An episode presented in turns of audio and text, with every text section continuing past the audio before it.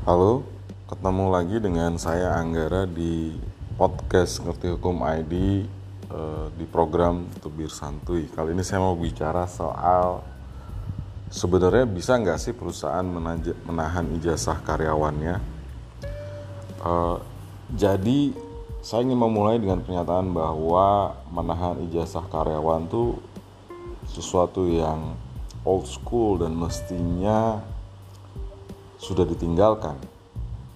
Saya punya alasan, tapi izinkan saya untuk menjelaskan terlebih dahulu. Jadi, ijazah kan pada dasarnya adalah suatu surat yang berupa keterangan yang isinya informasi bahwa seseorang telah berhasil mempelajari suatu tingkat ilmu tertentu yang kita peroleh baik dari uh, PAUD sampai ke universitas.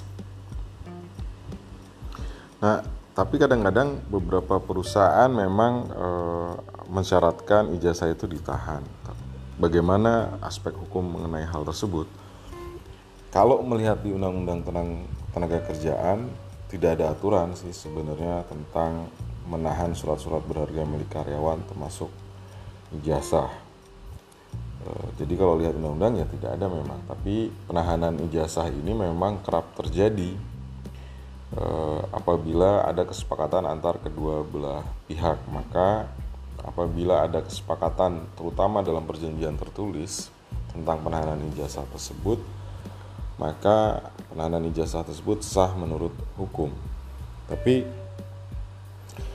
dalam kondisi-kondisi tertentu posisi karyawan atau pekerja itu memang nggak seimbang sih dengan perusahaan dan e, bisa jadi ada kerugian apabila ijazah tersebut tetap ditahan dan tidak dikembalikan saat uh, karyawan tersebut memutuskan untuk berhenti bekerja.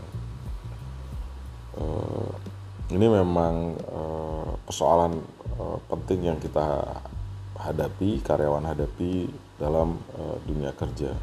Nah,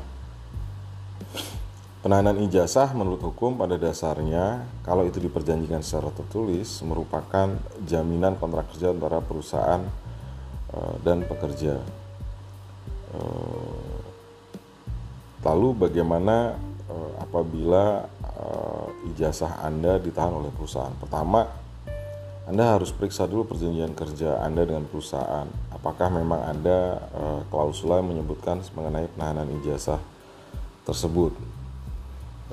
apabila tidak ada klausula tersebut, maka upaya-upaya hukum dapat Anda lakukan.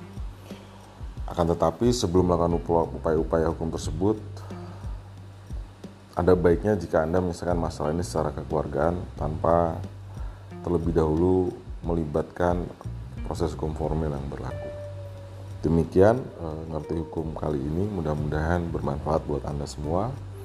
Jangan lupa subscribe atau follow kami di Twitter, Facebook, Instagram, LinkedIn, Telegram, TikTok, at ngerti hukum dan kunjungi kami di ngerti hukum ID. Terima kasih.